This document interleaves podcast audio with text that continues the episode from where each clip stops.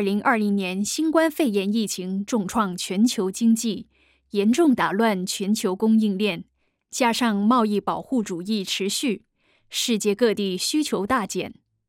面对各种不利因素，香港出口在二零二零年陷入困境。中美贸易关系持续紧张，加上史无前例的疫情影响，二零二零年香港的出口表现仍然受压。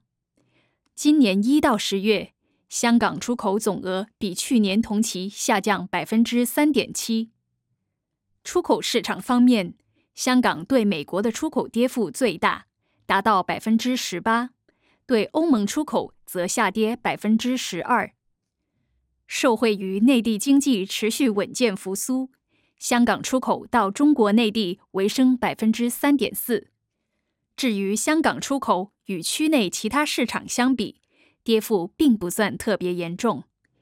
二零二零年头十个月，日本和韩国的出口也分别减少百分之十四和百分之八。疫情反复，需求转弱。全球经济在二零二零年持续疲弱。国际货币基金组织估计，二零二零年全球经济将下降百分之四点四，是二零零九年金融危机以来的最低水平。而二零二一年的增长预测将回升到百分之五点二，但能否如愿，主要取决于消费者和企业信心的恢复情况。以及各国政府对维持就业和增加需求的支持。发达经济体中，如果疫情进一步减轻，经济增长预计将缓慢反弹，商业经营和日常活动也会开始恢复正常。至于发展中经济体，当外部需求恢复，全球金融状况缓和时，预计经济增长将会加快。反复的疫情和中美贸易关系预料将继续影响香港二零二一年的出口。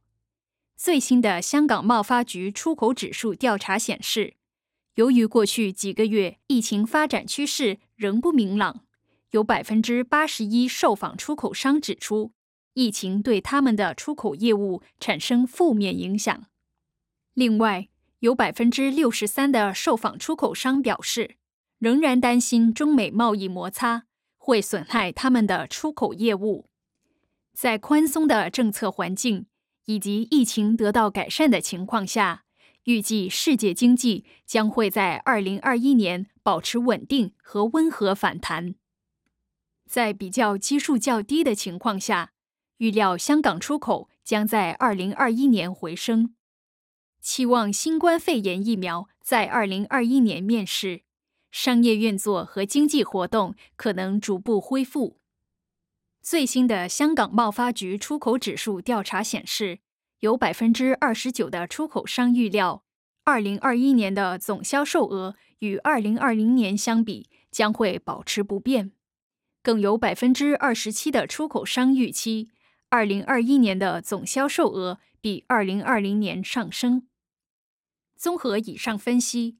贸发局经贸研究预测，二零二一年香港出口总值将上升百分之五。美国海关要求在香港生产的货品标记为中国制造，有关规定从二零二零年十一月九日起执行。不过，这项要求不会对香港出口产生重大影响，因为香港本地出口到美国市场的货品。